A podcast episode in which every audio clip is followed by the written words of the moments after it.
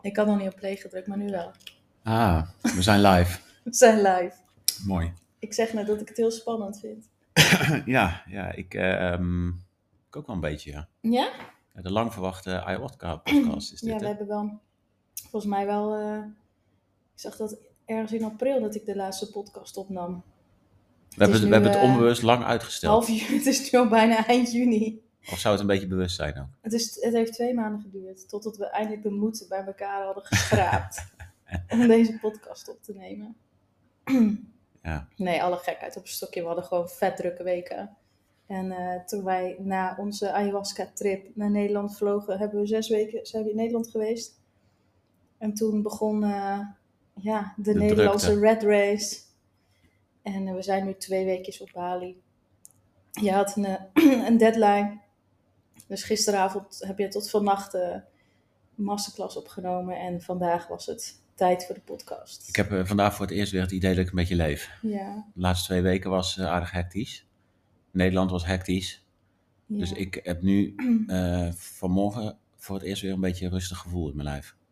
Relaxed. Nou, Ja. ik ben benieuwd. Kunnen we meteen een podcast Ik hoop niet dat ik dan wat snaren ga raken straks. dat je direct weer naar Dan een... begin ik eh, meteen te huilen. Nou, ik ben benieuwd. Nou, Oké, we, gaan, eh, we gaan beginnen. Ehm, voor de mensen die hebben geluisterd naar de podcastrace over de reeks over de ayahuasca. Het zijn er, eh, het zijn er drie geworden, maar ook nog een soort vier bonus podcast aflevering. Ehm, maar ik had beloofd om deze podcast op te nemen samen met Rine, samen met mijn lieve vent. mhm. We zijn nog steeds samen, ook al was dat eventjes spannend.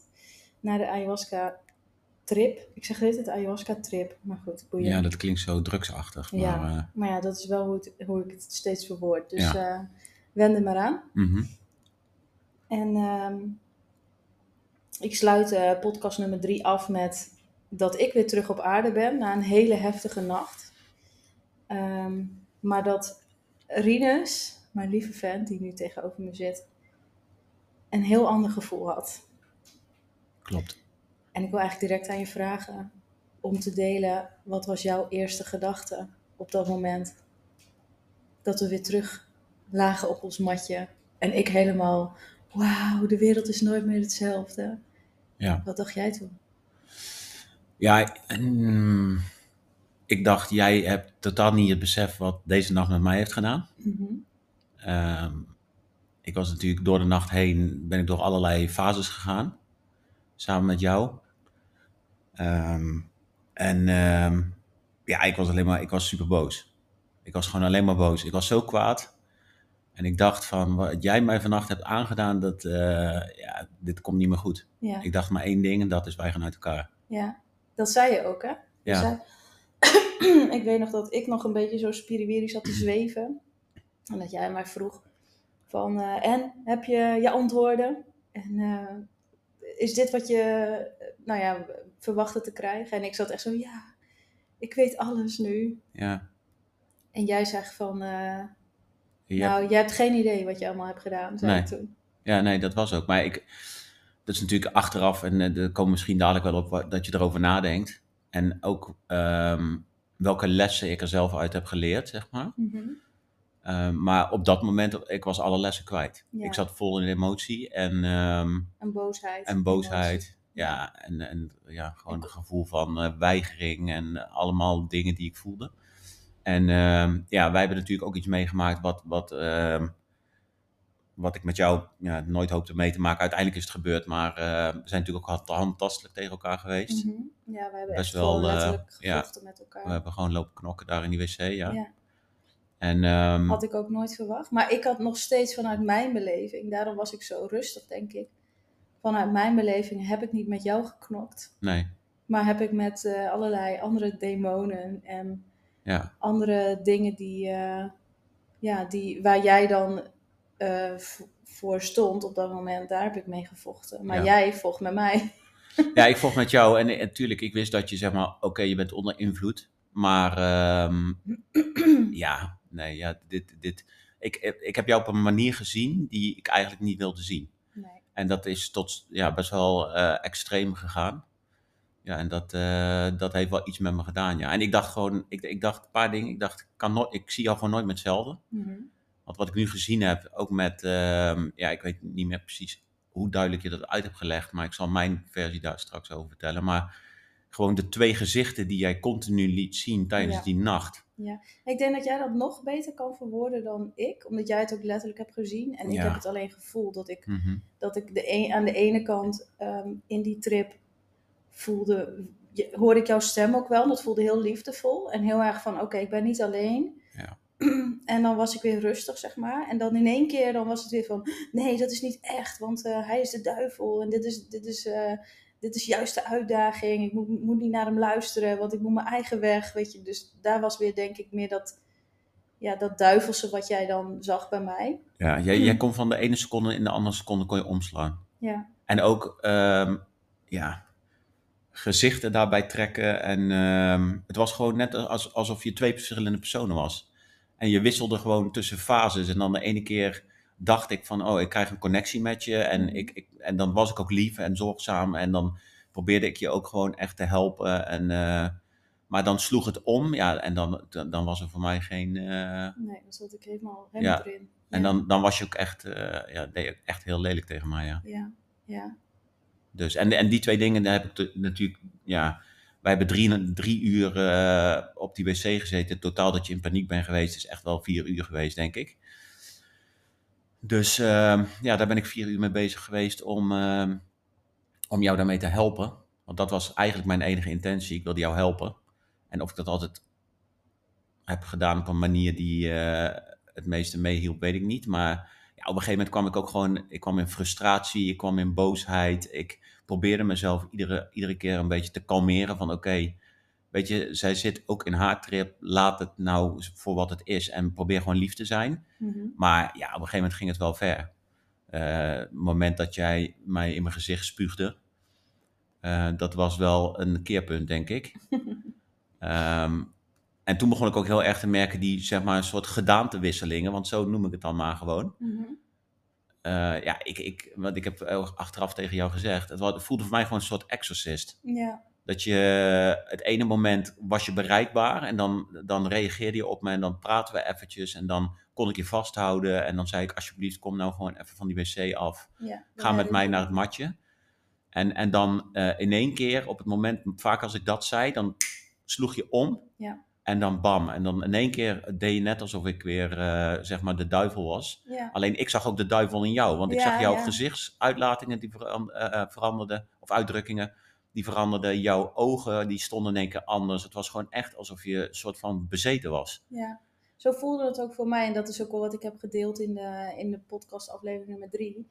En, en Danielle heeft daar later ook een podcast over opgenomen vanuit haar beleving van die nacht. En iedereen zei ook van het voelde echt als een, alsof, alsof er een andere iets nog in mij zat.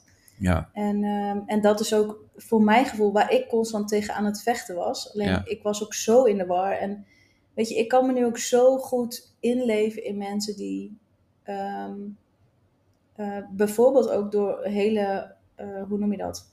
hoogsensitieve kwaliteiten. Mhm. Maar gewoon niet weten hoe je daarmee om moet gaan. En ook niet weten wat nou echt is en wat nou niet echt is of zo. Ja. Hoewel ik nu geloof dat heel veel dingen wel echt zijn.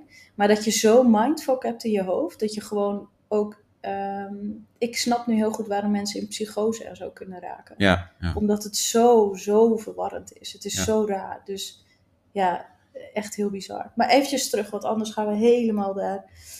Al helemaal de diepte in. Wat was jouw... En jij vertelde, ik, je wilde mij helpen die, uh, die nacht. Mm -hmm. Maar uh, dat was niet jouw directe intentie. Wat was jouw intentie voor de ayahuasca, überhaupt? Nou, ik, ik heb natuurlijk al eerder ayahuasca gedaan. Mm -hmm. uh, super fijne ervaring. uh, dus ik had, ik had de verwachting. Gelukkig. Ja, gelukkig. Um, en ja, ik had gewoon de verwachting van: oké, okay, we gaan allebei op ons matje liggen. We lagen naast elkaar. Want mm -hmm. ik, ik, ja, ik weet, jij hebt daar 0,0 ervaring mee. En ik had al zoiets van: ja, oké, als ze het zwaar krijgt of het voelt even te heftig of weet ik veel wat, dan ben ik er in ieder geval. Dus wij, ja, wij hebben ervoor gekozen om het samen te doen en ook gewoon naast elkaar te gaan liggen. Um, maar ik dacht, ja, jij gaat met jouw ding bezig, ik met mijn ding. Ik weet een beetje hoe ayahuasca gaat. Als je er diep in raakt, ja, dan ben je alleen maar gefocust op jezelf. Dan, dan heb je niet meer echt heel veel besef van de, van de omgeving. Tenzij dat je gewoon je ogen open doet en je ziet van oké, ik lig in dat bos en dan is alles wel een beetje vervormd en zo. Maar ik heb wel altijd heel goed realiteitsbesef als ik dat soort dingen doe. Dus ik dacht, ja, wij gaan allebei gewoon liggen en eh, wij doen ons eigen ding. Ja, en daar was ik ook eigenlijk mee bezig. In het begin hebben we nog wat gepraat hè, en uh, ja, toen ben ik eigenlijk gaan liggen. En ja, ik lag eigenlijk net als vorig jaar half opgebaard uh, met, op mijn rug. Heel rustig met mijn handjes op mijn buik. En met mijn eigen intentie bezig. Mm -hmm. En ja, ik had een soort stressgevoel in, in mijn buik al maandenlang ja, mijn enige intentie was om, om dat uh, ja, uit mijn lichaam te krijgen. Ik heb vorig jaar uh, ook ayahuasca gedaan, toevallig met dezelfde begeleiding. Mm -hmm. En um, ja, toen had ik ook één intentie, dat was ook street, uh, stress en verdriet uit mijn lijf. Ja, en dat is gewoon helemaal direct in die ayahuasca-sessie is dat geheeld. Gewoon een periode van vijf jaar verdriet, gewoon in één klap weg. Ja. En dat, he, dat heeft zo helend gewerkt. En ik dacht nu van, oké, okay, ik focus me op mijn intentie die ik nu heb. En um, ja, het grappige was ook nog, dat ik lag en ik voelde gewoon, want het zit ergens bij mijn onderbuik, bij mijn heupgebied. Mm -hmm. En uh, ik voelde, uh, mijn heup werd helemaal de grond ingedrukt. Alleen mijn heup, dus ik voelde, alles was, was lag gewoon normaal, maar mijn heup drukte helemaal de grond in. Dus ik voelde gewoon van, oké, okay, daar gaat iets gebeuren. En toen werd eigenlijk, het is natuurlijk in gedachten, maar ik zag gewoon uh, dat, mijn, dat, dat het probleem, ik weet niet wat het is, maar dat, dat stressgevoel, dat dat uit elkaar werd gehaald en weer in elkaar werd gezet. En ik noem Lego-blokjes, omdat ik daar een beetje aan moest denken, maar zo zag het er niet uit. Maar het was gewoon net alsof het uit elkaar werd getrokken en weer in elkaar werd gezet om te helen. Mm-hmm. En dat was eigenlijk al een heel stuk uh, bezig. En ik dacht van, ja, als dit nog even doorgaat, want het was best wel heftig, ja, dan, dan moet ik daar gewoon gaan kotsen in het bos, want dan ja, voel ik gewoon dat het bijna klaar is. Ja, en op dat moment uh, greep jij mijn arm vast. Ja, en, en toen, toen, zei, kwam, toen, toen, kwamen we in de paniek uh, zooi terecht. Ja, toen zei hij van, ja, ik, ik, ben in paniek, ik wil dat het stopt. Ja. En toen uh, zei ik tegen jou van, ja, maar het, het stopt niet zomaar. Je moet proberen om, om rustig te blijven en er doorheen te gaan. Maar ja, ik zag dat jouw paniek zo groot was dat ik eigenlijk mijn eigen sessie heb afgekapt. En vanaf dat moment alleen maar voor jou ja. heb proberen te zorgen. Super lief. Ik denk ook dat, uh, en, en wat er daarna is gebeurd, heb ik wel beschreven in podcastreeks nummer drie. Um, of eigenlijk in alle podcastreeksen.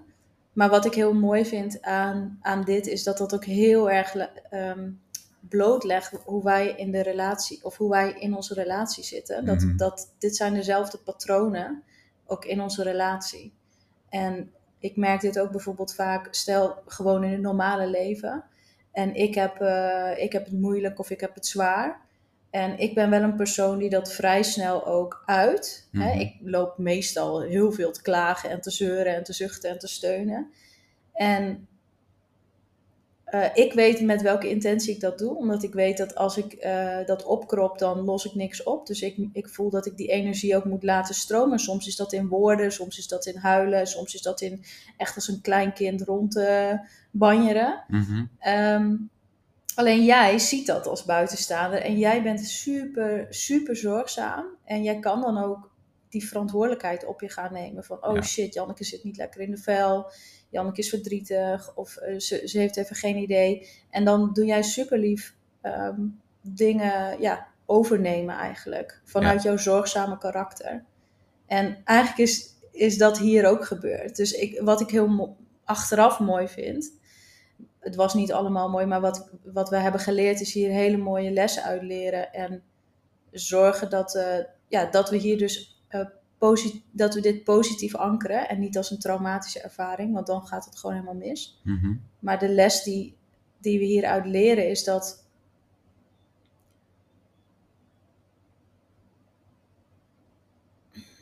Nou, ik weet wel een les die ik eruit heb geleerd. Nou, vertel. En dat, is, dat slaat eigenlijk exact op hetgene wat jij zegt. Want dat verantwoordelijkheidsgevoel wat ik heb, zeg maar. Ik heb dat op dat moment proberen los te laten. Jij kreeg paniek. Mm -hmm. Ik heb jou in mijn armen genomen. Wij hebben samen gelegen. Ik heb jou proberen te kalmeren. Dat lukte niet. Op een gegeven moment ging jij op je bib zitten. En toen was jij met die begeleider bezig. Die mm -hmm. ging over die ademhaling en zo allemaal. Die probeerde jou te kalmeren. En op een gegeven moment ben jij naar de wc gegaan. En toen uh, dacht ik, oké, okay, ik moet haar nu gewoon laten. Ik moet dat verantwoordelijkheidsgevoel wat ik continu heb, moet ik even loslaten en laat haar nu gewoon haar eigen ding doen. Zij moet nu haar eigen ervaring hebben en ik mijn ervaring. En toen ben ik gaan liggen en toen ben ik me weer gaan focussen op mijn intentie. Ehm, dat was echt helemaal in het begin, toen je, net toen jij paniek had. Alleen uiteindelijk 15 tot 20 minuten later, je hebt natuurlijk niet helemaal tijdsbesef, maar mhm. iets later, ja, toen werd ik heel onrustig. En toen was jij nog niet terug van de wc. Ja, en toen ehm, dacht ik van, eh, ja, ik ga kijken wat, je, wat er met je is. Ja. Nou, toen ben ik naar de wc gelopen, toen vond ik jou daar helemaal in paniek in dat hokje. Ehm, maar dat is wel een thema, dat verantwoordelijkheidsgevoel van mij in onze relatie en zeg maar jou meer loslaten en je eigen ding laten doen. Wij zijn super vrij naar elkaar, hè? Mhm. maar ik heb wel altijd dat hele zorgzame, zeg maar. Ja, je bent wel in gedachten altijd bezig met, voelt ze zich oké, voelt ze zich lekker, ja, kan is ze hier veilig? wel landen, is ze veilig, inderdaad. Ja, en dat is de hele nacht teruggekomen, want zelfs in, in die trip die jij had, jij hebt dingen tegen mij gezegd van, snap je het nou niet, rot nou gewoon op, ga je eigen dingen doen Jij hebt je eigen ding op te lossen. Ja. En dat sloeg zo erg op dat moment op. Laat het los. Laat haar nu haar eigen ding doen. Uh, en dat was vanaf het moment dat ik dus naar die wc toe liep. Uh, tot uh, eigenlijk de hele nacht door. Je weet dat moment dat ik. jij spuugde mij in mijn gezicht. ik werd daar super boos over. En op dat moment ben ik teruggelopen naar mijn matje. Mm -hmm. En toen ben ik daar gaan liggen. En dit is best wel bizar. Want ik vergeet dat moment nooit meer. Maar ik ga liggen. En toen dacht ik alleen maar, laat haar nu gaan. Jij spuugt in mijn gezicht en je zei, jij moet nu oprotten. Je moet nu weggaan en je moet nu op je eigen ding gaan focussen. Mhm. Nou, en toen ben ik op mijn matje gaan liggen. En op dat moment uh, lag ik. En uh, ik raakte meteen weer in die trip, zeg maar. Want bij mij was dat ook nog niet helemaal voorbij. Maar ik deed mijn mhm. ogen dicht en ik was zo boos. En toen hoorde ik gewoon een gong in mijn oor. Alsof iemand met een hele grote, zo'n Aziatische gong, mm gewoon bong in mijn oor. Nou, en ik, ik deed mijn ogen open en ik dacht, er staat iemand naast mij, echt met een gong. Ik dacht, die shamaan die staat gewoon met een gong naast me. Nou, en ik keek en er was niemand. En op dat moment hoorde ik die gong, bong, bong, bong, als een soort epiphany moment dat ik echt bij mezelf dacht, dit is iets wat ik moet onthouden. Dit is gewoon een les die ik moet onthouden. Want dit, en wat ik, was de les dan? Ik hoor gewoon een gewoon, ja, dat ik, dat ik zeg maar ook dingen los, los mag laten. Mhm. Ook met betrekking tot jou, maar ik heb dat ook wel eens gehad met familie, dat ik Mhm. daarvoor wil zorgen, weet je, in moeilijke tijden en zo. Maar dat ik ook, dat niet alles mijn verantwoordelijkheid is. Mhm. En dat ik dat ook zeg maar los mag laten op bepaalde momenten. En ehm, ja, toen kwam ook het, het, het, eh, andere, een andere kant, waar ik natuurlijk in het verleden ook wel la- veel last van heb gehad. En dat is dat ik dan heel vaak eh, de neiging heb, als het moeilijker wordt, om dan weg te rennen. Mhm. En dat is eigenlijk wat na de hand geheerst heeft. Want toen ben ik teruggegaan op een gegeven moment, want ik wilde jou toch niet alleen laten. Dus ik heb, ik heb een minuut op die mat gelegen. Ik hoorde dat gongen de hele tijd in mijn oren. En eh, op een gegeven moment eh, hield het op en toen dacht ik, ik ga nu terug. Toen ben ik teruggegaan. En ja, vanaf dat moment heel veel frustratie en boosheid. En echt vechten op de wc met elkaar. Ehm, ja, dat was wel, dat was wel heel bijzonder. Alleen, ehm, ja, dat, dat gongmoment, dat bleef mij gewoon bij. Ja. Dus, en en dat, is, dat is zo bizar wat er uiteindelijk is gebeurd, om weer die lessen erbij te pakken. Inderdaad, dat was een grote les van hey, die verantwoordelijkheid. Waar, wie is verantwoordelijk voor wat in de relatie? Ehm, Ja, en ook nog één ding. mhm. Ook dat ik me zeg maar eh, druk maak om dingen waar jij zeg maar in zit. Net als wat jij zegt, hè. Jij, bent jij bent best wel iemand die heel veel dingen uit. Mhm. En dat is natuurlijk in ons dagelijks leven is dat ook zo. En ik heb daar Mhm. eigenlijk nooit last van. Ik probeer je altijd daarin te ondersteunen. En ik weet tegenwoordig heel goed dat ik gewoon moet vragen wat je nodig hebt. In plaats van dat ik allemaal oplossingen ga zoeken. Maar Mhm. ehm, ja, dat, dat is ook wel iets wat zeg maar heel erg eh, eh, teruggekomen is op dat moment. En ehm, Ja, ja, en, dat da- en dat kwam natuurlijk ook heel hard terug. Hè? En dat, was ook, dat is ook wat ik voelde. Hè? Ik heb het ook ergens een keer verteld in een podcast dat ik het gevoel had dat ik heel veel shit van anderen voelde in mijn lichaam. En dat ik Mhm. echt schreeuwde van, snappen jullie het nou niet? Jullie moeten het zelf oplossen, Ja. weet je. En, en dat is wel mijn valkuil, dat ik weer, ehm, omdat ik dat zo, zo snel aanvoel, eh, dat ik het gevoel heb dat ik dat moet oplossen. En dat is wat er eigenlijk bij mij gebeurde op die, op die toilet. Dat ik voelde, het bizarre is dat ik dus, ik voelde enorm veel spanning in mijn onderbuik. Ja. Niet te doen. En ik, ik had echt het gevoel, dit moet gewoon weg. Hoe dan ook. Dus ik dacht, ik moet hier gewoon blijven zitten. Ik, ga, eh, ik moet gaan plassen of whatever. Maar dit moet eruit. Het was zo'n verschrikkelijk gevoel. Ja. En toen jij dus mij van die toilet af wilde halen, toen schreeuwde ik ook echt. Jij snapt het niet. En volgens Nee. mij heb ik zelfs één keer tegen jou gezegd: Jij moet op die wc zitten. Jij moet dit oplossen. Dus wat er uiteindelijk is gebeurd, en dat is direct een hele grote les ook voor mensen die ooit ehm, ayahuasca willen gaan doen en dan misschien tegelijk met hun partner. Ga niet naast elkaar liggen. Want wat er bij ons is gebeurd, is dat we heel erg in elkaars Energie. energie zijn terechtgekomen. Dus wa- waardoor je ook bijna al niet eens meer wist, is het nou van mij of is het van een ander? Nee. En ehm, waarschijnlijk was dit voor ons, ik ben heel dankbaar dat wij dit hebben gedaan, want dit is precies wat wij moesten eh, krijgen. Mhm. Om ook nog meer verdieping te krijgen in, in onze relatie. Grappig, want dat was onze intentie van dit jaar. Weet je dat nog? Ja, ja, klopt. Dus dat was wel leuk. Nou, hebben we direct eh, aan gewerkt. Dit was een goeie. Maar, ehm, en dat is, dat is dus wel, eh, dat was wel een hele grote les. Achteraf zei een van de helpers dat ook tegen ons. Hè, van jullie waren eigenlijk heel dicht bij elkaar, waardoor jullie helemaal in elkaars proces zijn verstrengeld geraakt. Ja. Waardoor je dus ook niet meer alleen maar gefocust kon zijn op je eigen intentie. Maar het was wel precies wat we nodig hadden. Dus het is ook niet dat we daar, eh, dat we daar spijt van hebben of zo. Zeker Nee. niet. En het bizarre is, want jij zegt van dat onderbuikgevoel dat je dat voelde. Ik, ik weet gewoon dat, dat een, een hele periode dat jij op die wc hebt gezeten, ben jij met mijn energie bezig geweest. Want jij hebt gewoon dingen tegen mij gezegd, mij continu eh, weggestuurd, gezegd dat ik op moest rotten, dat ik mijn eigen shit op moest gaan lossen. Eh, of ik nou niet door had dat jij met mijn zooi bezig was, maar dat ik het zelf moest doen. Ehm, dus jij hebt dat heel erg, denk ik, gevoeld. Eh, misschien is dat ook wel dat, onder, dat gevoel wat ik in mijn onderbuik Mhm. had. Ik Ja. weet nog steeds niet helemaal, maar ehm, ja, dat, is, dat loslaten, zeg maar. Dat is daar wel eh, heel erg eh, naar voren gekomen. Ja, mooi. En niet op een, mooi, niet op een fijne manier, Ja, maar uiteindelijk wel. maar uiteindelijk wel, ja. ik wil even verder gaan op, want onze intentie voor deze podcast is hoe onze uitdaging is gegaan in de liefde na een traumatische ervaring. En volgens mij is het heel duidelijk dat dit vrij traumatisch was voor, voor ons beiden. Ehm, Super traumatisch. dus daar hebben we nu lang genoeg bij stilgestaan, denk ik, hoe dat dan was.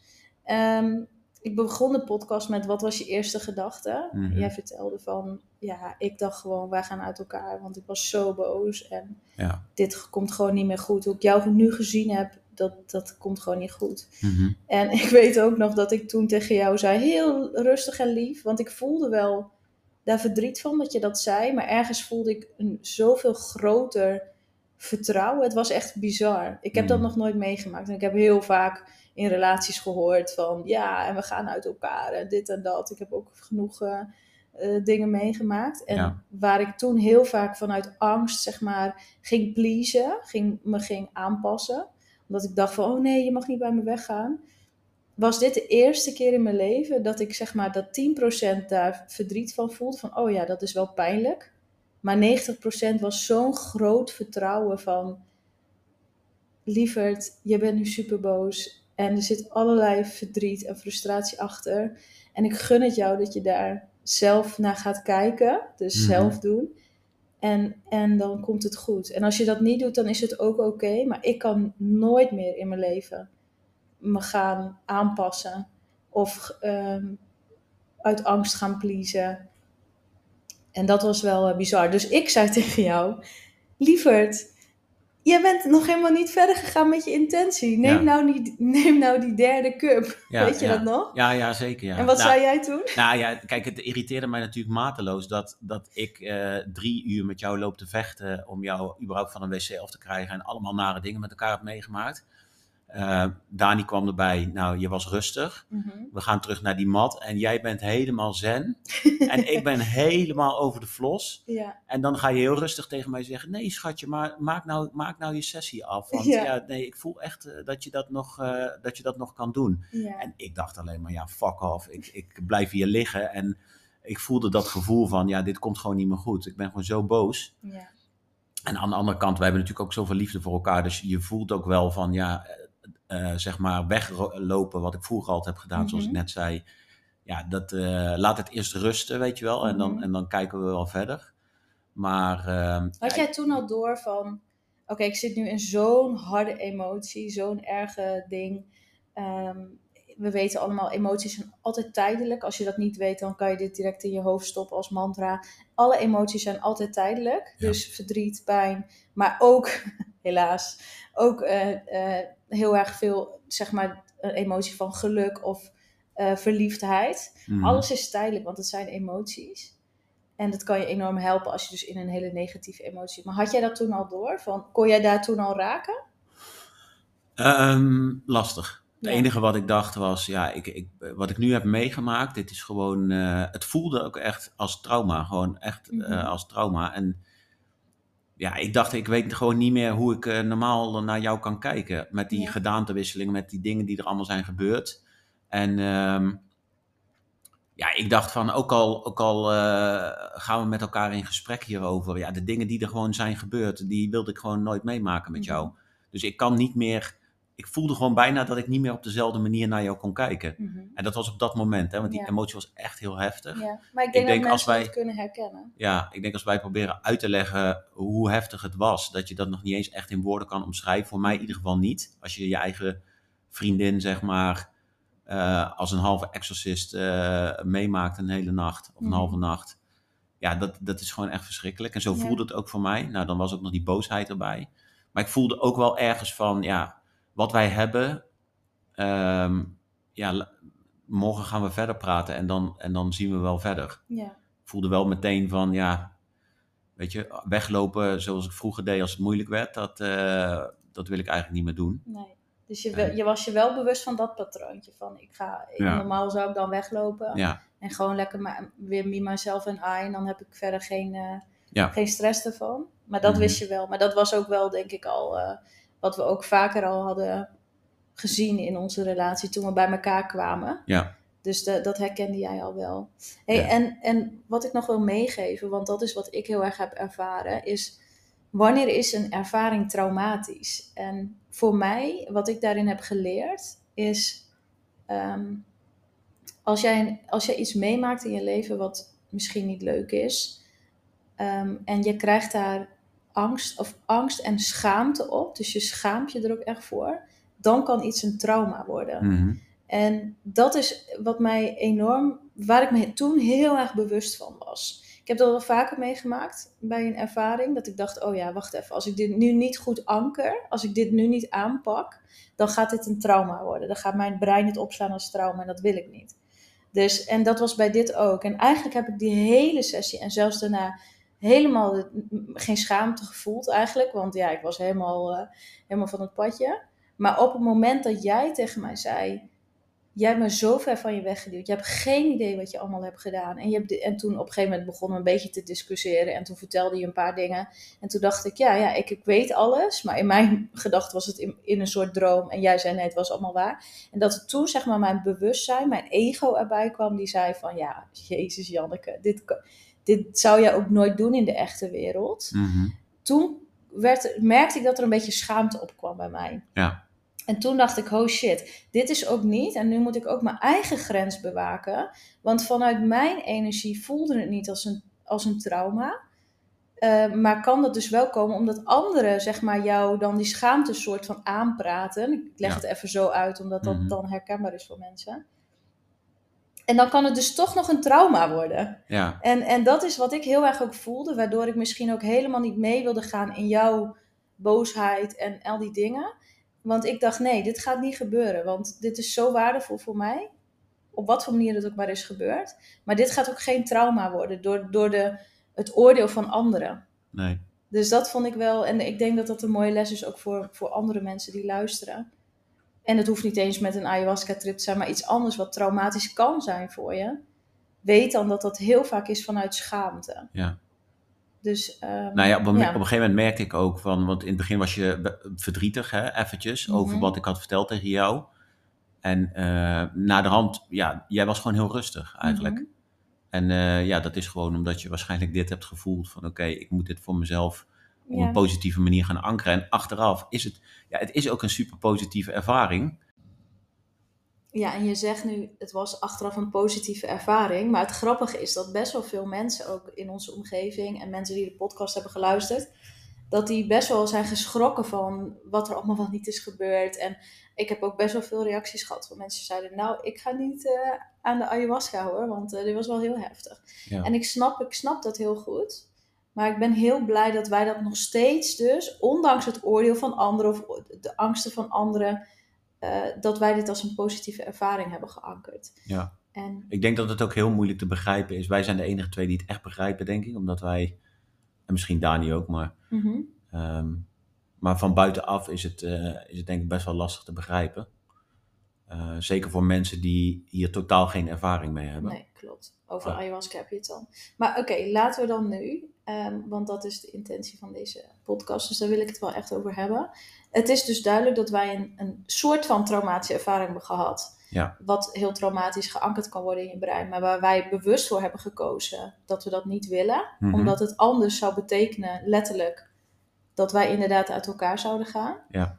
En hoe hebben wij dat opgelost? Want eigenlijk hebben wij dat vrij snel kunnen oplossen. Ja. Ik denk in vijf dagen tijd. Ja. Um, waar misschien sommige, niet dat wij perfect zijn hoor, maar we hebben er heel hard voor moeten werken. Waar ik wel zie dat sommige andere liefdeskoppels daar veel langer voor nodig hebben. Ja. En niet per se na een ayahuasca trip, maar na een, iets dat, een ervaring waarin je allebei een ander, andere beleving hebt. Ja. En wij komen dus uh, terug van die ayahuasca op zondagochtend. Je hebt niet meer die derde cup genomen, jij was er helemaal klaar mee. Ja, ik weet ook als je in zo'n emotie zit dat dat geen goed idee is. Nee, dus helemaal, dat is helemaal goed en dat is ook goed dat je daar naar jezelf hebt geluisterd. Dus wij komen terug op die zondagochtend in, uh, in Playa. En hoe is die dag voor jou geweest, die dag daarna? Um, ja, heftig. Eigenlijk, wij waren met z'n tweeën bij ons in het appartementje en uh, ik was boos, verdrietig. Uh, gefrustreerd, allemaal van die emoties. Mhm. En um, ja, dan zit je met z'n tweeën in dat, in dat kleine appartement. Ik had eigenlijk nergens zin in. Mhm. um, we hebben af en toe geprobeerd om gesprekjes te voeren erover. Maar dat ging de eerste dag niet echt heel soepel. Um, waar, waarom ik zeg dat het traumatisch is. Ik weet nog dat de eerste nacht wij, wij lagen met ons bed de hoofdkussens, uh, zeg maar, lagen ja, dat, dat was de, de, de nacht erna. Dus die, die zondag de hele dag. Ja. Want dat is wat nog wel fijn om, om te vertellen. Want we zijn die middag nog naar het strand geweest. Ja, klopt. Met de intentie van, we willen ook die energieën even van ons weg laten spoelen door de ja. zee. Dus we zijn allebei naar de zee geweest. Ja. En weet je nog dat we toen op dat tafeltje zaten bij het restaurantje... waar we ook best wel even weer een gesprekje kregen, wat wat hoog opliep. Ja. Maar ik zal dat gesprek nooit meer vergeten. Ik weet, omdat het voor mij best wel moeilijk was. Mm-hmm. um, want daarin zeggen we nog een keer in een gesprek. Jij gaf namelijk aan, weet je, dit was gewoon heel heftig. En ik zit enorm in mijn boosheid. En ik wil het gewoon even laten rusten allemaal. Ja. Dat je zei, ik wil het allemaal even laten landen en het een plekje geven. En dan, komt het, dan ga ik het vanzelf een plekje geven. Weet je nog dat je dat zei? Ja, en ik voelde toen zo sterk van, als je nu niet met beide handen dit gaat aanpakken, dan gaat dit zo dooremmeren en doorcijpelen. En dan gaat, dan, gaat, dan gaat het gewoon over. Ja. Dus toen ben ik voor mijn gevoel best wel hard geweest ook naar jou. Vond ik best wel lastig. Want eigenlijk zei ik gewoon, je moet dit nu echt gaan, hier iets mee gaan doen. Klopt. Ja, ik had ook, ik, ik had, nee, ik had ook, op dat moment had ik niet echt een oplossing voor mezelf. Ja, jij wist Omdat ik zat alleen maar in die emotie de hele tijd. En toen uh, na dat gesprek, toen zei jij tegen mij van ja, als je hier nu niet iets mee gaat doen, dan gaat het ook mis. Ja, dus want dan zou het voor jou echt als een trauma worden opgeslagen. Ja, klopt. Met schaamte en boosheid en alles erop en eraan. Ja, en voor mij niet. Dus dan zou, weet ik gewoon dat onze paden zouden op een gegeven moment zouden scheiden. Hè? Wat je ook vaak ziet bij stellen die iets naars meemaken. Dat ze dan na een poosje toch uit elkaar gaan. Omdat Klopt. ze niet meer op één lijn zitten. En dat, is, dat wilde ik gewoon voorkomen. Dus ik gaf je toen best wel een beetje een harde schop, vond ik, vanuit mezelf. Ja. Maar het was wel nodig. Ja, zeker ja. Nou ja, ik, ik was, wat ik zeg, ik wist eigenlijk niet zo goed wat ik ermee moest. En ik had zoiets van, ja, ik wil eerst uit die emotie en dat gevoel gewoon laten kalmeren. Mm -hmm. En uh, ja, ik kijk wel even hoe lang dat duurt. En ja. toen heb jij inderdaad tegen mij gezegd, nou, misschien moet je iets proactiever ermee aan de slag gaan. Ja. En iets gaan doen wat, uh, ja, wat gewoon ervoor zorgt dat dat in ieder geval geneutraliseerd of geheeld wordt. Ja. En toen heb je mij nog geadviseerd om naar Dani te gaan. Ja, even om, want dat is een hele fijne les, denk ik, voor anderen. Dus als je herkent in, in zo'n emotie en je weet ook van oké, dit is gewoon heel erg boosheid, frustratie en alles erop en eraan. En ik wil wel dat het weggaat, maar ik zit er nu nog even helemaal in. Je kan inderdaad dan ook linksom of rechtsom. Dus linksom is het laten sudderen. Uh, maar meestal als, je het dan, als het dan weer rustiger is, dan is de pijn niet meer zo erg om er iets aan te doen. Dus laat je het maar weer verder gaan totdat er weer iets op je bordje komt en dan weer die boosheid. Dus dan blijf je een beetje in zo'n cirkel zitten. Of je kan, nou ja, nu even aan mij denken op zo'n moment en dan even die schop van mij voelen. Van weet dat je daar inderdaad iets proactiever mee om kan gaan en toon je leiderschap daarin ook in. Um, want je kan dan al direct hulp zoeken. Ik, hè, daar, daar heb jij Dani voor gehad. Zou ik je zo even, zou, dat ga je zo vertellen.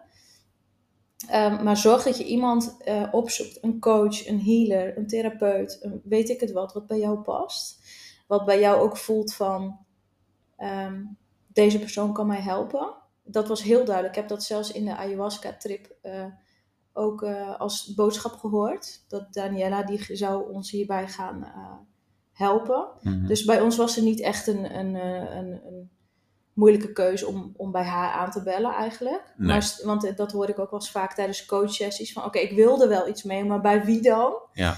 En ik snap dat dat heel lastig is, maar ga, ga daarin ook echt op je gevoel af. Van wat, wat vertelt mijn intuïtie mij, wie mij hierbij kan helpen. Ja. Want er zijn gewoon tien manieren om dat te doen. Maar zoek iets wat bij je past. Dus pak je leiderschap daarin. Uh, want daar zit juist ook die groei. En zo iemand kan je ook helpen Mhm. om die emoties te neutraliseren. En voordat je gaat vertellen hoe Daniela dat bij jou heeft gedaan, want dat was twee dagen daarna al. Ja. Wil ik nog heel even aan je vragen hoe die eerste nacht was, want dat wilde je net vertellen. Ja, ja. Hoe was die eerste nacht? Nou ja, over dat, over dat sudderen. Ik weet 100% zeker dat als ik dit had laten sudderen. Kijk, ik, ik voelde die dag erna meteen van: oké, ik wil niet bij jou weg. Wat we mee hebben gemaakt is kut, maar ja, ik wil eigenlijk niet bij jou weg. En ehm, als ik dit had laten sudderen, dan was de emotie gedaald op een gegeven moment. Want Mhm. dat zwakt natuurlijk af en op een gegeven moment ben je uit die emotie. Maar dat traumatische, eh, dat zat er wel in. Dat blijft in je systeem Ja, en, zitten. en ja. er hoeft maar één ding te gebeuren en het komt weer omhoog als je het niet verwerkt. Ja. Dus het is super belangrijk dat je er ook echt iets mee gaat doen. En eh, ik wist op dat moment niet zo heel goed wat ik ermee moest, totdat jij mij die schop onder mijn reet gaf. ja, en dat laatste dan misschien nog van die ene nacht. Vertel Ja, nog ja. even cliffhangertje steeds. Ja, nou, ik, ik had dus zo dat exorcist gevoel bij jou, dat ik, dat ik, eh, ja, dat was gewoon voor mij heel vervelend. Nou, ik had daar, ik voelde gewoon een soort angst in mijn lijf, want ik had jou op een manier gezien die ik eigenlijk niet wilde zien, hè, die, gedaantewisselingen, et cetera. Nou, de eerste nacht gingen wij eh, in ons appartement naar bed. Op zich was dat ja, prima. Dus wij, ik, het, het was niet dat ik moeilijk in slaap kwam of weet ik veel wat.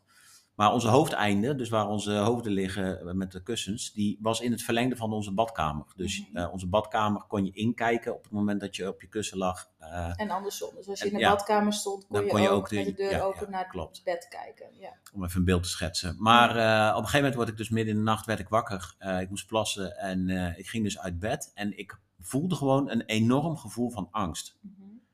Mhm. Gewoon omdat, ja, gewoon echt dat, ja, ik, exorcist, ik weet niet hoe ik het anders moet omschrijven, Mhm. maar dat exorcist gevoel. Dus ik liep naar die wc en dat was dus in het verlengde van, van eh, Mhm. het bed. En jij lag daar, dat weet ik. En ik voelde gewoon in mijn rug, ik had gewoon het gevoel, als ik nu omkijk, dan zit jij rechtop in bed en dan draait jouw hoofd gewoon rond. Zo, dat gevoel had ik gewoon. Ja. En dat, dat was echt niet, niet normaal. Ik stond er gewoon bijna van te shaken. En dat klinkt eh, natuurlijk niet heel dapper, eh, want dan denk je, ja, eh, even serieus. Maar op dat moment was dat dus, door, dat tra- door dat traumatische eh, gevoel, Mhm. ja, had ik dat dus heel erg. En ik weet nog dat ik stond te plassen. En dat ik dacht van, ik ga nu naar links kijken. Ik ga gewoon kijken. En toen keek ik en toen lag je heel rustig te slapen. ja. Maar gewoon dat gevoel van, eh, ja, ze zit nu recht op in bed en ze laat me enorm schrikken. Dat had ik echt. Gewoon net als een soort film. Ja. Ja, dat was wel heftig. En toen realiseerde ik me ook meteen van, ja, nu moet ik er echt iets mee gaan doen. Want als ik dit laat, dan, dan, ja, dan, ik kan eigenlijk niet meer op een normale manier naar jou kijken. Ik ben gewoon Nee. een soort van bang.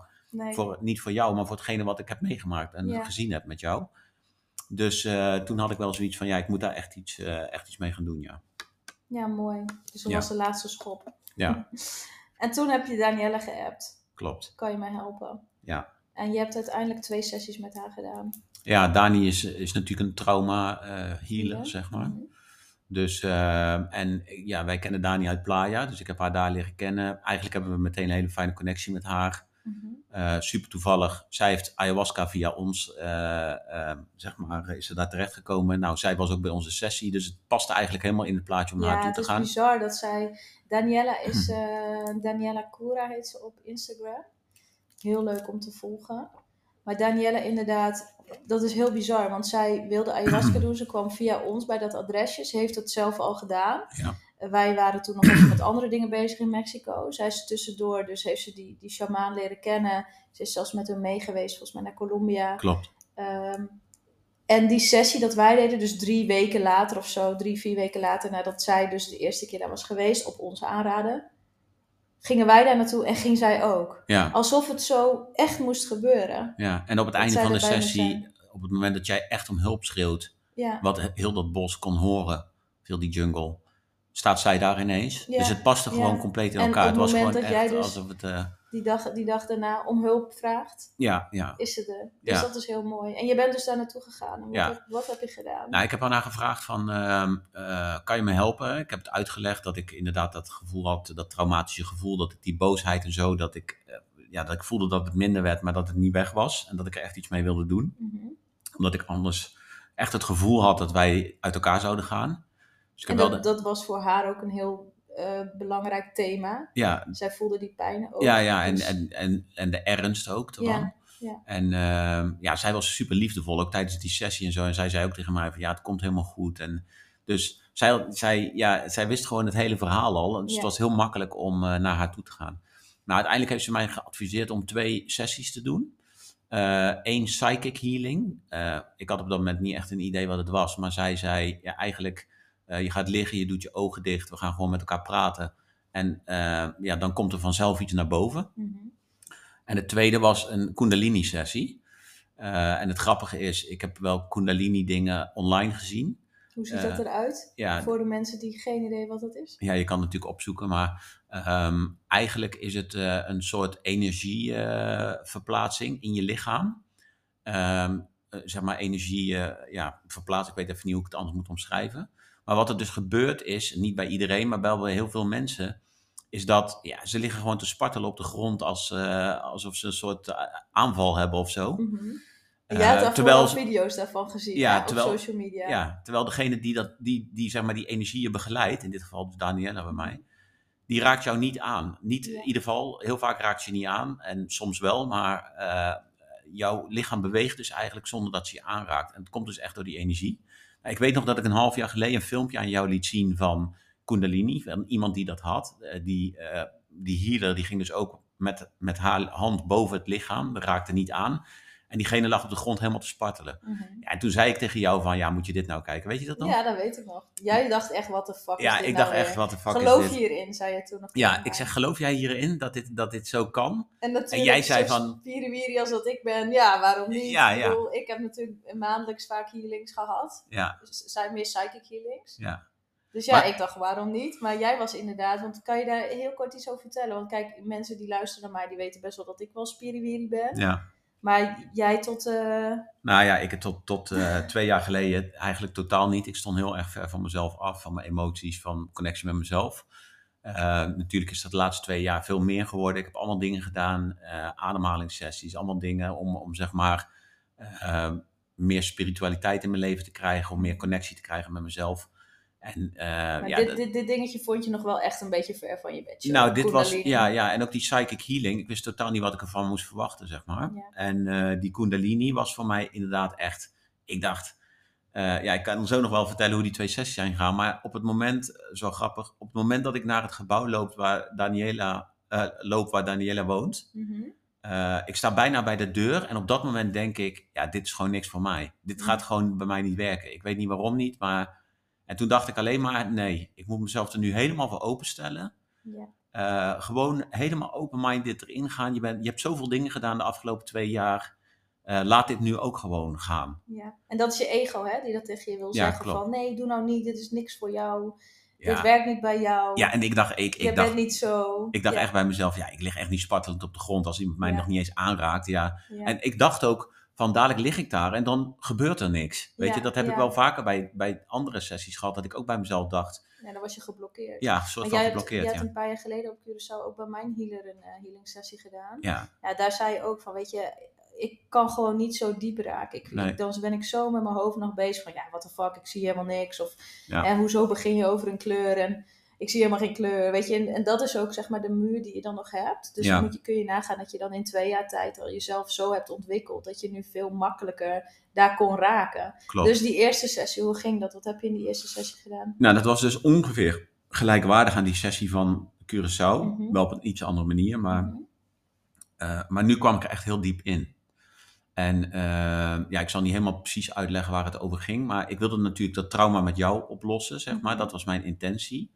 Alleen het gekke is, eh, ja, Dani vroeg bijvoorbeeld aan mij van, oké, waar voel je het? Ik zei, nou, ik voel het in mijn onderbuik. Wat zegt dat tegen jou? En ik, dacht, wat zegt dat tegen mij? Zij zei, ja, laten we, het er een, laten we er een hij van maken. Mhm. Wat zegt hij tegen jou? Ja, en ik moest het gewoon drie keer vragen, ja, wat bedoel je nou? Hoezo? Wat, wat zegt wie tegen mij? Zeg, zeg, ja, dat gevoel. Wat zegt dat nou tegen jou? En ik vind dat dus heel moeilijk. Jij bent daar heel goed in, maar ik vind dat, Heb Nog ik ook moeten leren hoor. ja, ik vind Ja. dat soms nog best wel lastig om echt te, te luisteren naar wat ik voel, zeg maar. Ja, en En toen ook ine- zonder dat je ego zich ermee bemoeit. ja, ja, zeker. En, ehm, en, en toen in één keer was heel gek, want er kwam eigenlijk helemaal niks. Ik was nog steeds een beetje in gevecht van, ja, hoezo bedoel je? Wat bedoel je dan? Ja, hoezo? En toen in één keer kwam een getal.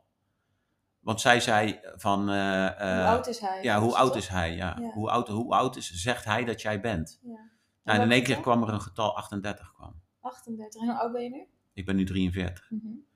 En toen, eh, het grappige is, eh, toen zei ze van ja, waarom 38? En in één keer kreeg ik een beeld in mijn hoofd van eh, ik met mijn ex. Mhm. En dat was eigenlijk een moment dat, dat, dat was de eerste keer dat we uit elkaar gingen. En Toen dat was je 38. ja, toen was, toen was ik 38. En toen stond ik bij een, we hadden op dat moment in Nederland een soort ja, trailer gehuurd of zo. Want je Omdat was we, ja, we, ja, we waren tijdelijk in Nederland, dus we hadden zo'n Ja. ding gehuurd op een camping.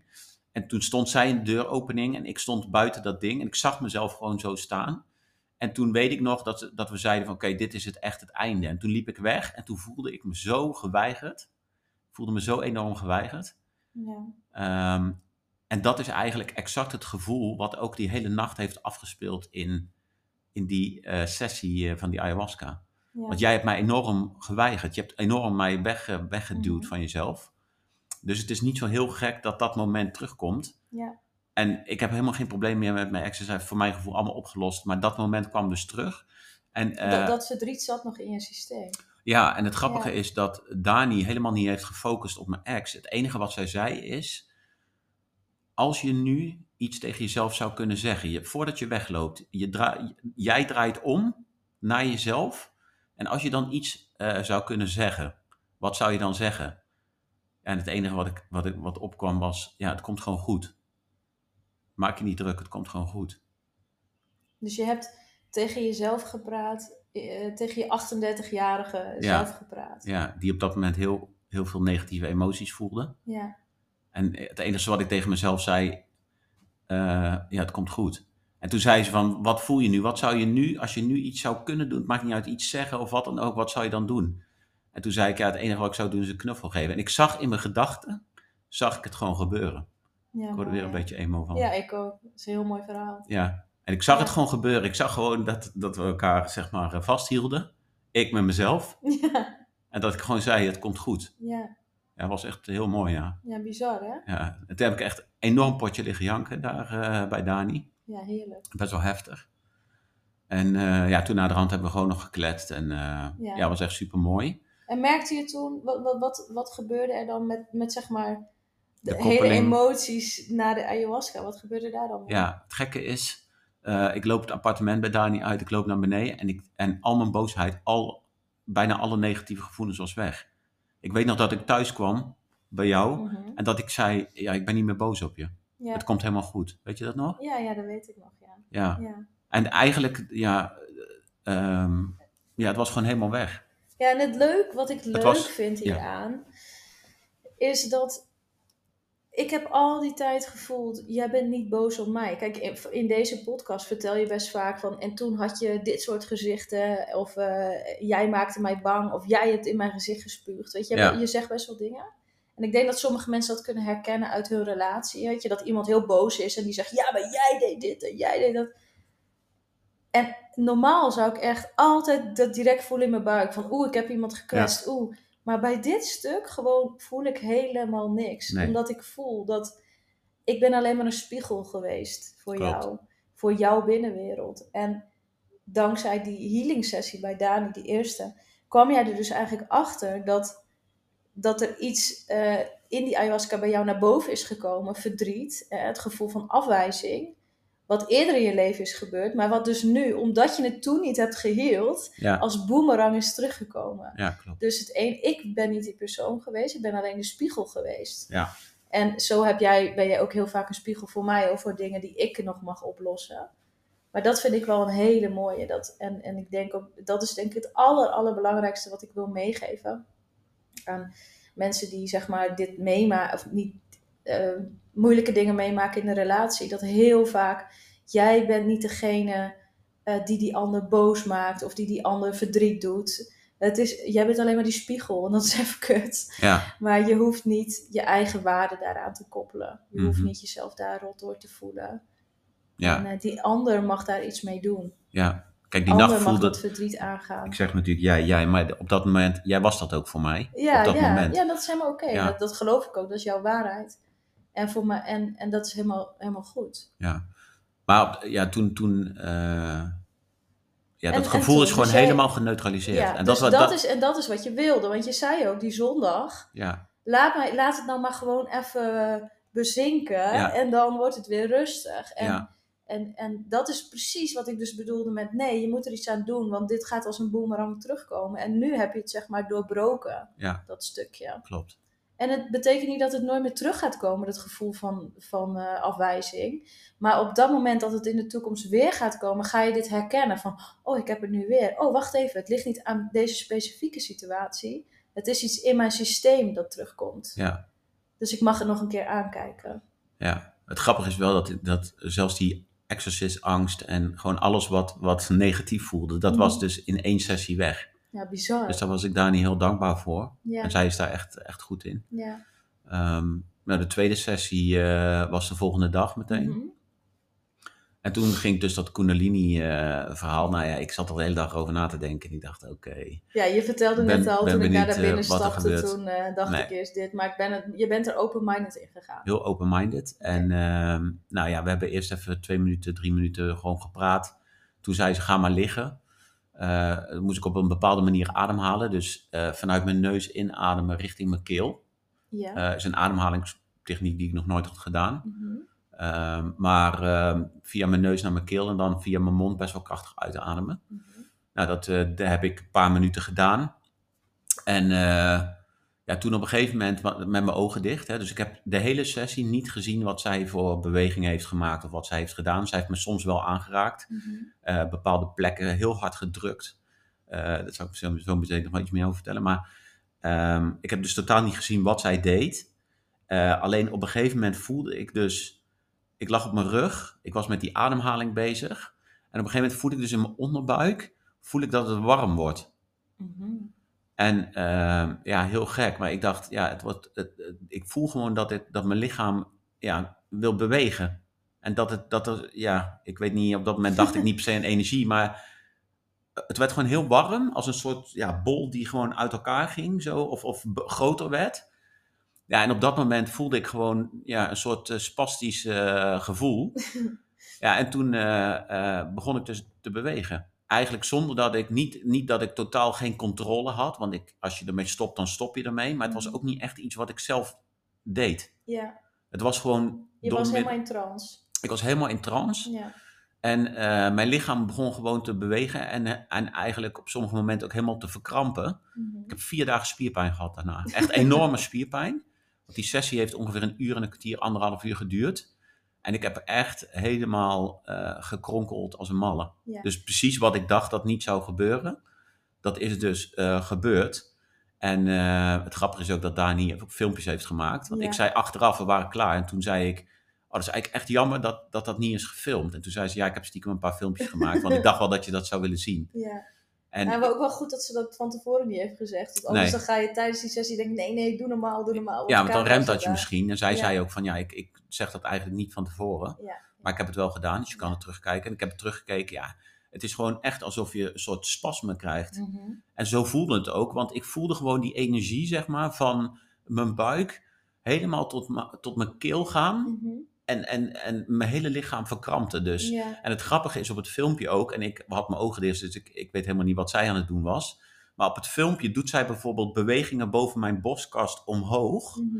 En dan zie je dus ook mijn borstkast van de grond af eh, trekken. Ja. Dus eh, precies waar zij zeg maar die energieën naartoe begeleidt, daar, daar gebeurden ook dingen. Ja. En dat was echt, ja, ik vind dat achteraf heb ik dat teruggekeken, ik vond het gewoon bizar. Ja. En ik had ook totaal niet verwacht.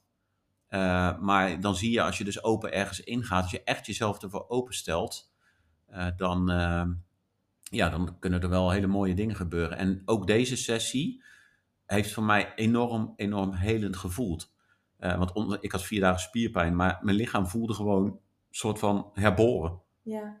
En, die, en, en het rare is ook nog, die stressvolle plek in mijn onderbuik waarvoor ik naar de ayahuasca ging, die is door die sessie helemaal verdwenen. ja, bizar. Dus zij dus heeft uiteindelijk dat. heb je toch eh, met een grote bereikt. bocht Ja, je doel bereikt. Ja. ja, ja, want jij zei eigenlijk eh, wel, dat vond ik ook wel grappig. Je zei direct na die ayahuasca, ja, ik heb mijn intentie nog niet helemaal klaar. nee, Dus ik ga het misschien weer doen. ja, Weet je dan nog dat je al helemaal gekeken had naar data en zo? ja, klopt. Maar die heb je uiteindelijk helemaal niet meer gedaan. Want Nee. eigenlijk was, ja, was het ding waarvoor je daar naartoe ging, was bij haar opgelost. Ja, en, en net als ayahuasca, ik heb twee keer het gevoel gehad dat het echt nodig was. Mhm. En meestal als je ayahuasca doet, dan denk je meteen daarna, oh, dit was, ik wil het nog een keer, weet je wel, Mhm. dat gevoel een beetje. En dit, nu had ik het, omdat ik dacht, ja, ik heb mijn intentie niet, eh, dus ik wil het nog een keer doen. Wel alleen. Maar ja, wel alleen, ja. Maar dan, dan eh, ja, dat appte vrij snel weer weg. En toen had ik gewoon het gevoel, zeker na die healing sessies met Dani, van, ja, het is gewoon niet meer nodig. Ik heb nu niks wat, eh, wat geheel moet worden. Super mooi. Ja, en na die twee sessies, eh, ja, het is tussen ons natuurlijk helemaal goed gebleven, want het was wel heel goed. Maar Mhm. ja, dat hele gevoel van, dat hele negatieve gevoel van wat er van die nacht leefde, dat is Ja. helemaal omgeturnd in alleen maar positieve gevoelens en nadenken over lessen die je eruit hebt gehaald en hoe mooi het eigenlijk allemaal was. En het is natuurlijk bizar dat je eh, in zo'n nacht in, in bepaalde emoties en negatieve gevoelens zit. En dat je dan eh, daar nu eh, op een hele andere... We zitten allebei nou met een glimlach op ons gezicht. Ja. En dat, Ja. Is, ja, dat is natuurlijk bizar dat, dat, eh, dat je dat op die manier eh, samen kan ervaren. ja en ik denk ook dat dit, dat dit ons toch weer sterker heeft gemaakt. Mhm. Ja, en het, aller, het allermooiste vind ik, en, en dat is ook een hele mooie les voor anderen, dat wij nog bewuster hebben ervaren dat wij echt twee zielen zijn die ieders eigen pad loopt op dit aardse leven. Maar Mhm. dat wij ervoor gekozen hebben om ook stukken samen te lopen. En daardoor gaat onze energie ook een beetje soms in elkaar. Maar dat we ook tegen elkaar kunnen zeggen: nee, dit stuk is van jou en dit moet jij oplossen. Dit moet je zelf aangaan. Dit is jouw proces. Ja, Ehm, en, en dat het dus, ja, ik vind dat, en dat vind ik, dat is voor mij de betekenis van liefde. En een liefdevolle, fijne relatie hebben met iemand. Dus dat je heel goed weet dat jij een eigen individuele persoonlijkheid hebt, een eigen reis hebt te bewandelen op dit, in het leven. Ja. Dat je wel de intentie hebt om ook dingen samen met, met iemand te delen en ook samen als twee zielen te groeien. Want je hebt ook eh, die spiegels nodig. mhm. Want ik, in onze relatie, joh, wij, wij zijn de hele tijd elkaar aan het spiegelen en dingen aan het leren en Ja. verder te gaan. Maar dat je dus ook, eh, ja, weet je, ik, ik, vond het, ik vind het gewoon, het komt ook misschien voort uit wat ik zie in de wereld, is dat ehm, je hebt mensen die zeg maar helemaal alleen zijn met hun ziel, zeg maar. Eh, en die zou ik het gunnen om ook zo'n zieletje erbij te hebben, om Ja. die spiegels te krijgen en samen verder te leren. Maar wat ik ook zie, is, en, eh, is dat er ook heel veel mensen in een relatie zitten en dat die zeg maar helemaal geblend zijn in elkaars energie. En eigenlijk bijna helemaal niet meer een individualistische uh, ziel of reis hebben wandelen. En dat, die mensen zou ik het ook echt gunnen van, ja, ga dat eens onderzoeken. Van wat wil jij en wat is voor jou belangrijk? Wat is belangrijk in jouw pad? En wat is ook belangrijk dat je voor de ander ook meer diegene gaat loslaten, omdat je ook het, die ander het pad gunt. Net als wat ik bijvoorbeeld die zondag tegen jou zei daarna van, jij moet echt iets gaan doen nu. En ook al zou dat misschien betekenen dat de uitkomst is dat wij niet meer samen gaan zijn, maar de, uiteindelijk is het bewandelen van je eigen authentieke pad het meest waardevol voor mij. En ik, en ik geloof erin hoe meer je op je eigen uh, pad loopt, dat je, dat je ook de juiste dingen aantrekt of zo. Dus ik, ik wist, ik had gewoon dat vertrouwen van als jij dit gewoon aangaat. Ja. En dit proces aangaat, dan komt alles helemaal goed. Weet je, dan zijn wij gewoon allebei weer samen zo aan het wandelen en dan is dat, dan is dat goed. Dus ja, nou, ik weet niet uh, wat, je, wat, je, wat ik hier uh, nog nou, meer over wil vertellen. Nee, maar, maar, ja, wat ik misschien nog wel wil zeggen, uh, ik weet niet hoeveel mannelijke luisteraars jij hebt, maar er zullen vast heel veel vrouwen zijn die wel een man hebben. Mm -hmm. maar, er zijn wel wat mannelijke luisteraars hoor. Ja, ja. Nou, misschien luisteren er af en toe ook wel wat mannen mee met hun vrouw, maar... Ehm, ja.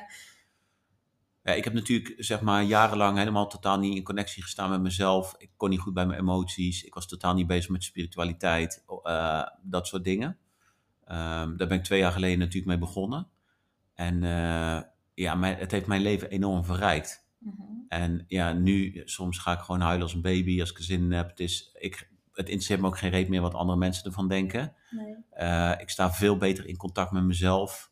En uh, ja, eigenlijk gun ik dat alle mannen ook. Ik kom enorm uit een, uit een mannenwereld, enorm haantjesgedrag. En uh, natuurlijk in sommige omgevingen heb je dat ook nodig, dus dat is helemaal prima. En mannen moeten ook mannen zijn, vind ik. Uh, maar ja, probeer ook eens in contact te komen met je andere kant. Mm -hmm. Want ik heb nu ervaren, en ik ervaar het nog steeds, zeg maar hoe dat is. En ja, daardoor groei je, of kan je enorm groeien als persoon. Ja. Ja, en dat geldt ook voor de vrouwen, hè? want ik heb ook niet altijd dit pad bewandeld, het spirituele pad. Maar ik kom ook uit best wel een mannelijke wereld. Ik heb, ben opgegroeid met twee broertjes. Ik kom uit een dorp waar in mijn schooljaar maar twee andere meisjes waren. Dus er was ook een en al jongens. Ja. Um, daarna heb ik economie gestudeerd, mannenwereld. Daarna ben ik bij een bank gaan werken, mannenwereld. Dus ik heb, ben, ik heb best wel ook die hardere kant, die mannelijkere kant van mij, was eigenlijk voor mij de meest comfortabele kant. Ja. En uh, dat heb ik eigenlijk pas sinds mijn emigratie, sinds ik ben vertrokken uit Nederland, heb ik veel meer die vrouwelijke kant moeten ontwikkelen. Omdat ik gewoon helemaal vastliep op what the fuck is going on. Ja, ja. dus ja, dat is wat ik echt heb moeten leren. En uh, ja, als je me al heel lang zou kennen, zoals vriendinnen van mij, die weten dat bijvoorbeeld wel, of mijn familie Um, of die, die weten dat ik ook die andere kant had. Dus die zijn soms misschien ook nog wel dat die denken: oh, oké, okay, Janneke is in één keer helemaal uh, die andere kant op gegaan. Of de andere kant. Ik geloof dat ik beide heel erg heb. Um, maar er zijn ook heel veel mensen, volgers en podcastluisteraars, die me misschien nog niet zo lang kennen. Die misschien dat beeld hebben van mij. Van, oh ja, Janneke die was altijd al zo. Ja. En in, in essentie was ik altijd al zo. Tuurlijk, je bent kind. altijd, ja. Um, maar ik heb heel erg door de wereld en door de maatschappij die, meer die mannelijke energie ontwikkeld en die vrouwelijke een beetje genegeerd. En uh, jij, jij hebt dat ook. Ja. En jij hebt dat op jouw manier ook heel mooi ja, weten te ontwikkelen de afgelopen twee jaar. En ik ook op mijn manier. Ja, voor mijn gevoel sta ik pas aan het begin. Ja, we zijn uh, allemaal spirituele kuikentjes. Ja. In een aards leventje. Ja. ja. Ja, leuk. Is toch leuk? Ja, ja zeker. Nou ja, ik, ben, ik ben heel blij mee, dus uh, laten we lekker verder wandelen. Ja, lijkt me een goed plan. Oké. Okay. Hey, lieve mensen, bedankt voor het luisteren. Het was een lange vandaag, maar wel een leuke.